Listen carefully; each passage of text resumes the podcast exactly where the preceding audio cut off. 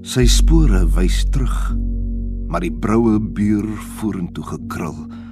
Hy het opgestaan in die vallende gedagtes en herinnering gestapel terwyl die wind lakens deur die sloop van haar duie skeur en die gekleurde visse en vlak woorde glibbend in die voue van haar beenrige vingers poel sout in die mond die tart en vol van leemtes gelaat deur vorige geliefdes die teenwoordige afwesiges die smaak van ryp en wit skeidings die af en opofferings die vangs het opgestaan met die eerste lig van haar wenkbrau bo die brander se volgehoue voort en die verafstrome ingetrek soos met 'n net 'n miskien 'n amper byna.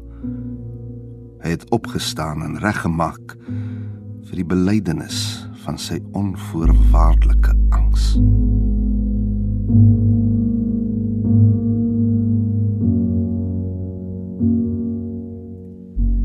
Goeienaand en baie welkom by Vers en Klank. Ons gaan vanaand nog 'n program toewy aan 'n bundel wat hierdie jaar verskyn het. Die bundel is getiteld Die Val. Die digter is Johannes van Eden en die uitgewer Naledi. Lina Spies skryf 'n resensie oor Die Val. Dis unieke, verrassende poësie met min vergelykbare tekste in die Afrikaanse lettere. 'n Kort bundel met dringende verse en titulêre temas van verval wat die leser by intens persoonlike landskappe intrek. Beskikbaar in Afrikaans en Engels. Elke Afrikaanse gedig sluit ook die Engelse vertaling daarvan in. Hierdie bundel sal aanklank vind by en 'n indruk maak op akademici sowel as alledaagse lesers. Johannes van Eden is 'n komponis, digter en entrepreneur. Hy het musiek en tale aan die Universiteit van Stellenbosch studeer en wen verskeie eerste pryse in komposisie, maar onderbreek sy studies om van loopbaan te verander. Voor Johannes die tegnologiedienste groep Human State in 2001 stig, begin hy 'n bemarkings- en verspreidingsmaatskappy met verteenwoordiging in 16 lande, sowel as 'n voorste kontemporêre musiekorganisasie. Johannes bly sedert 2009 in Switserland. Waldemar Schultz gaan vanaand vir ons gedigte uit die val voorlees sonder enige verdere onderbrekings van my kant. Lekker luister.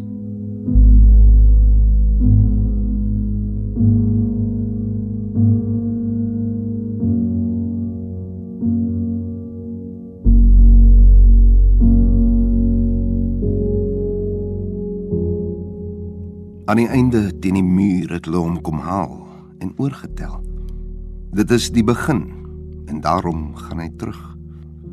Dit is eindeloos versteen en tog bly die vers teen alles behalwe kom. Dit is rasend. 'n Songedig kom oor die oggend. Alles is styf. Selfs die voël sukkel en forceer hul bekke oop.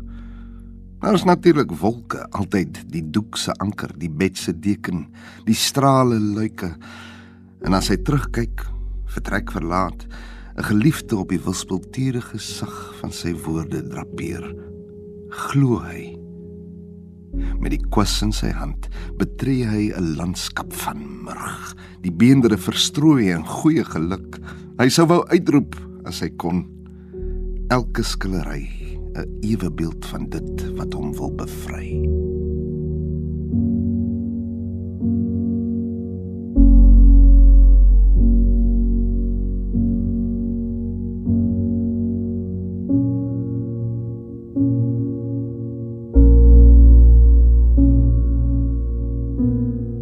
weg van alles na in sy eie bors suig om te lewe om te suig mits die kop so ver kan buig na aan homself, ver van die stilte. Vlug na die ooste waar die ouderdom agterbly soos sere op 'n bed of so word vertel. Hy staan op. Hy sit. Sonbrand, duim gooi. Sy ouma woon by die strand en deesdae loop haar hart van goud op pille. Sy drink dit daagliks ten spyte van die noodtoestand. Haar boom dra konfyt in ander bottels en woorde hou die plooie bo in. en in die takke sweef verlange ingemaakte lig. Sy sal daar wees as die son opkom. Verlange is nie alleen blou nie en onthou reeds alleen amper foto 'n laaste ontydige glimlag wag nou slegs 'n formaliteit almal reeds teenwoordig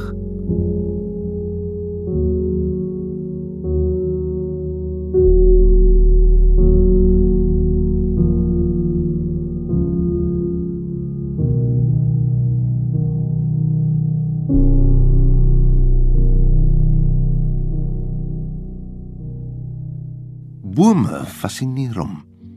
Woordspeletjies in die takke tussen die blare, eekorings wys grakelsterte. Voels hoor jy net, en kinders steel eiers, breek die ongeboortes dapper oop. 'n Eerste ek het dit gedoen. Die jare kring verder uit in skaduwee. Grower bas vergemaklik die opklim, 'n mik vir die somersaande. Jong verliefdes, en ander oomblikke van gerusstelling wat hy goed onthou. Maar as jy wil lê op sy geblomde knieë, hy is steeds van Eden, appel en kies. Ander kan die ruigte skuil jou slaap. En met sy horison geberg dwerg hy weer die steiltes uit op soek na skoonheid. Haar sewe grafte ongemerk. Die middag sterf versteek en oor die swembad vind naalde kokers.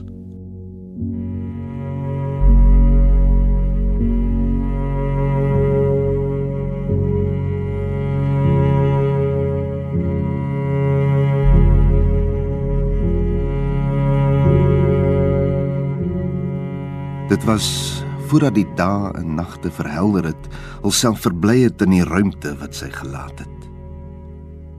Haar teenwoordigheid het hom vasgepen in hierdie stil hoek van die oopgespreide en gekreukelde onbekende. Opgewonde arms het gewuif en gekeer toe die verte sigbaar word.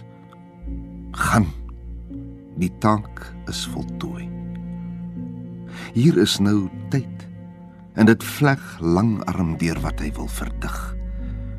Die skaduwee het hom getref. Hy gaan dit skuins verby, gebuk in knope.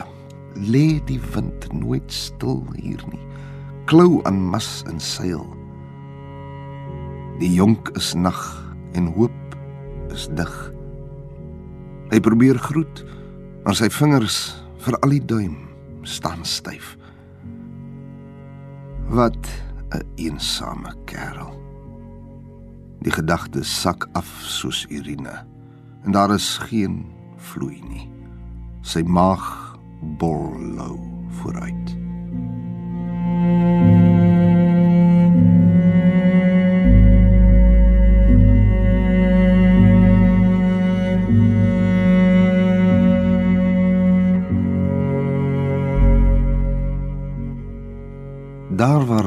die stilte omvou en slapende lywe die oppervlak droom. Wees gerus, dooies vlieg verby.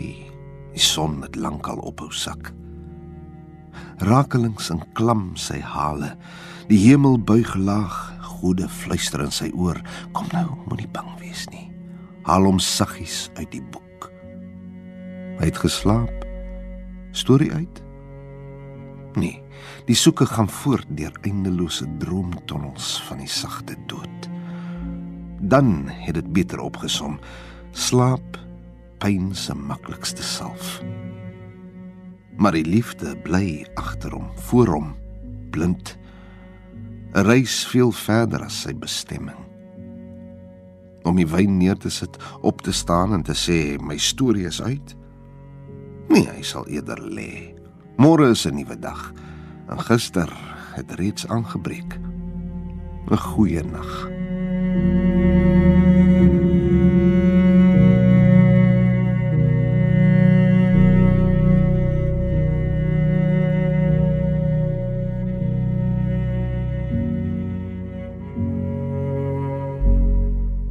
Die broos vel.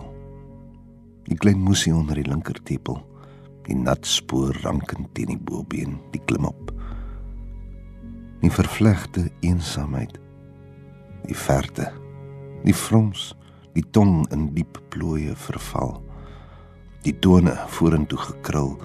Die stywer kuit, die rug se buig, die bewuste stadiger beweeg. Die heupe se lig.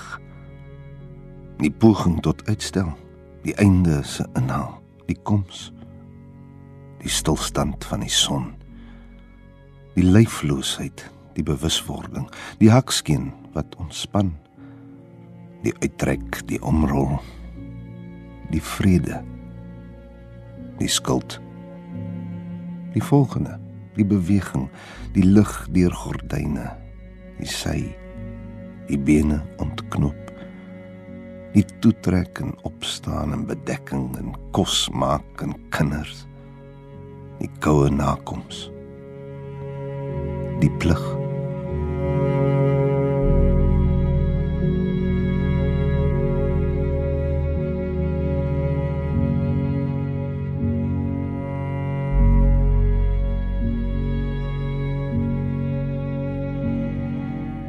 Tyd vir boeke wat vertel dat slegs die wat besit word kan besit. Om die koei van die gatkant te benader, maar die bul by die horings te gryp. Goue woorde, 'n stuiwer in die warmbeurs, 'n groot versierde poppekas soos die in Lodewyk se tyd. Boeke wat vertel van asemhaling as goeie gewoonte. Hoe om 'n duik te skop in die blou, jou merk te laat te lewe lewe. Maar asemhaling gebeur. As jy wil slaap, is hy die wagwoord voor jou deur en as jy wil praat, hy het probeer. Al klink dit soms nie so nie. Al spring sy woorde soms oor rotse met horings en harde hoewe, al hoer sy hart soms en al is hy soms verdronke, sy soms soms meer as wat jy steeds sou wou glo. Hy het probeer.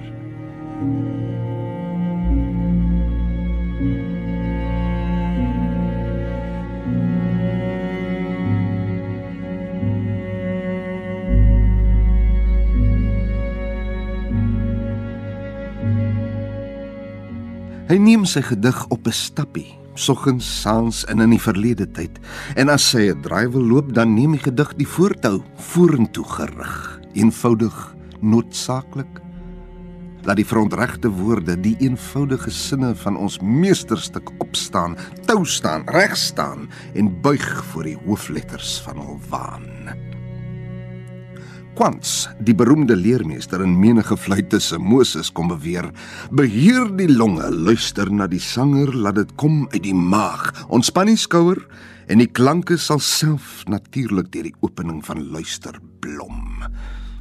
Ons neem aan dat forceer vir hom 'n vloekwoord was en dat ook hy hier sou saamstem met die kuns van vrede lê grootendeels in die kuns van asemhaal.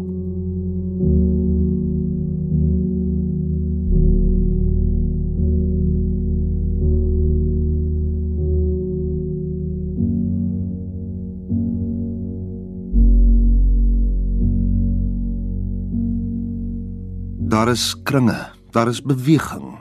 Hulle swem. Die blomme groei tot teen die muur. Die aand is vol hoender. Nie dat die koue hulle oorval nie, nie dat daar vrees heers nie.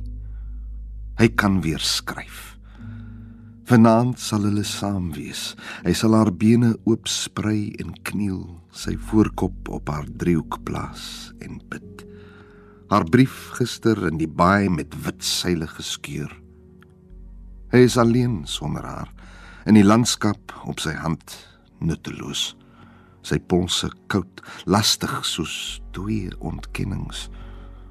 Stok en hoed vol van moed. O wye en droewe land, met of sonder haar kan hy nie leef nie. Na Newcastle wil hy kole dra die een se beswyming, die ander se beruiming in sy swerfjare, bloot sterfjare. Sy ure lugdig.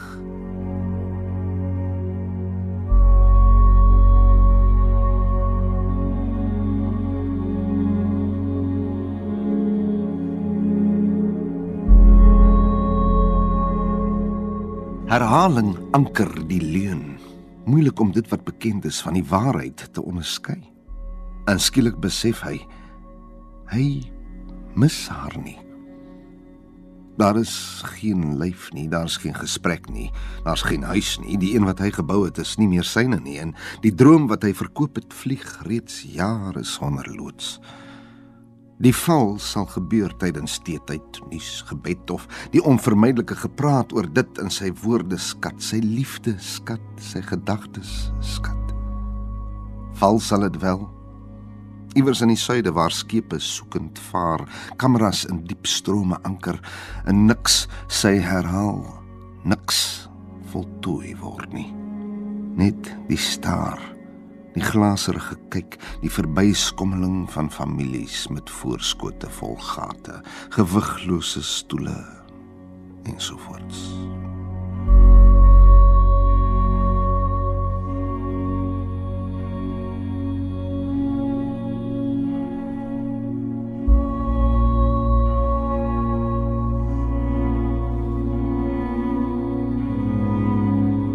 Wat is hierdie ding wat ons doodmaak sonder om 'n merk te laat? Sonder om iets ordentlik soos 'n lijk, 'n gapende wond, blou strepe om 'n nek, 'n drywende en stil starende opgeblaasene of 'n bewegingslose en begraafbare woord waaroor ons in die verlede tyd kan praat agter te laat. Wat is hierdie onsigbare hamer wat ons tref in die middel van nêrens, onverwags? ons die afgrond in laat kyk en die ondraaglike ligtheid van bestaan en noodsaaklike illusie van onsterflikheid eensklaps ontneem. Wat is hierdie ding wat ons uithol en vul met die lewe vooruitgang van dooie lewendes, die kennis van goed en kwaad, verganklikheid. Ons moet hieroor skryf, want die stilte maak ons dood.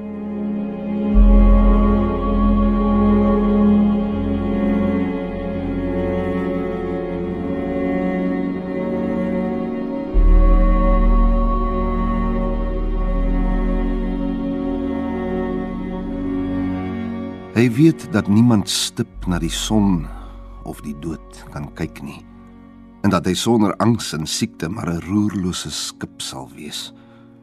Volgens oorlewering het hy tong eers dat die wêreld ingekom. Daarom sy onvermoë om die verwondering en vertwyfeling en uiteindelike verbuistering in die kajuit van sy hart te bewaar.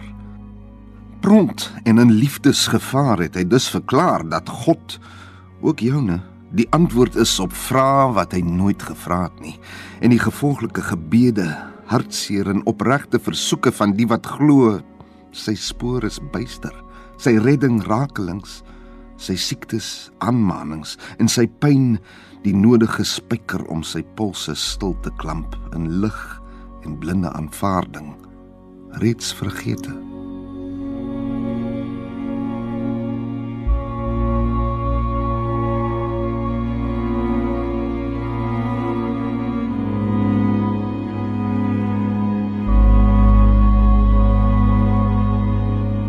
So baie om te sê. Hy bly stil en kyk na die berge. Die mis sal opstoot uit die vallei en binnekort soos 'n wolkombers onder hulle kom lê. Houtbakke met bergwater langs die skaars sigbaar gespanne blou elektriese draad om die koeie weg te hou. En hy hoor vandag dat hy gee omdat hy kan, dat goedheid en guns hom sal volg oral waar hy gaan.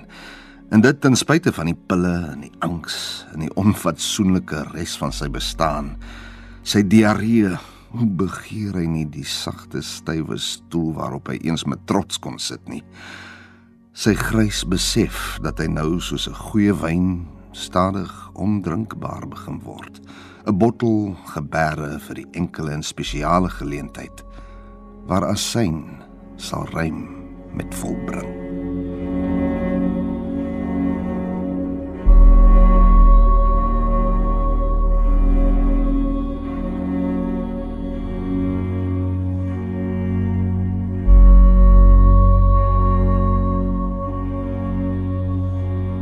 Het gedink aan haar liefde, daardie onvoubare en vreemde wit waarop sy woorde self kan ontplooi, sy pen homself verbaas kan lig in ink stort, berekend, bedoelend binne die nanag van geluk, instinktief en veerloos, vrugbaar, Woorde soos my lief, my hart, my skat, myne en al die ander onverdiende besitlikhede.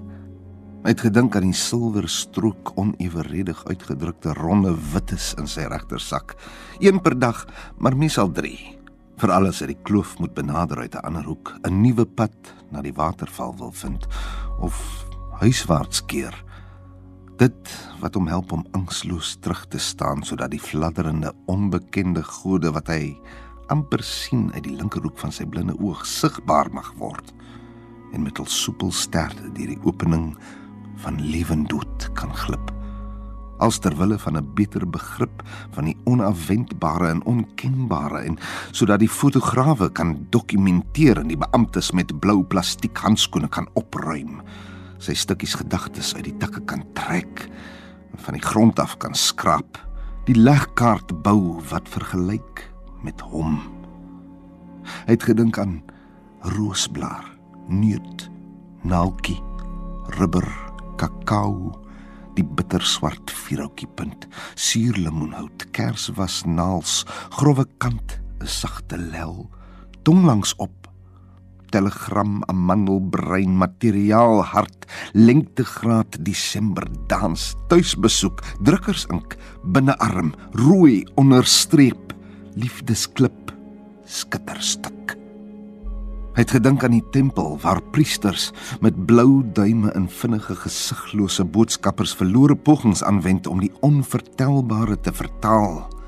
Liefde onder andere, maar dat hy gebore is om dooie bome te verstaan, asbakke, die onversadigbare vuur, boeke met of sonder prente, tamatie konfyt, die hitte van sy eysterpot rook wat lusteloos warrel na 'n hoë plafon, die kleur van vleis wat dit ryp in 'n hoek hang en wag, die plooibaarheid van tyd, vroue met 'n geskiedenis, geel ligte, ook die wat agter oë skuil, boeke rangskik, die reuk van gemmer en knoffel onder die naals vroegoggend, aanraking, ligte vingers naby vel, hoendervleis die beweging van wenkbroue en mondhoeke. Uiteraard onder andere.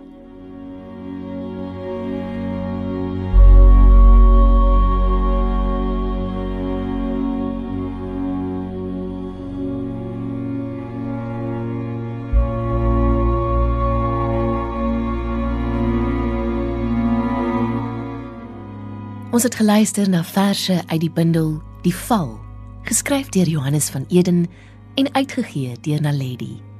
Waldemar Schultz het dit voorgeles. Mag jy 'n wonderlike aand verder hê.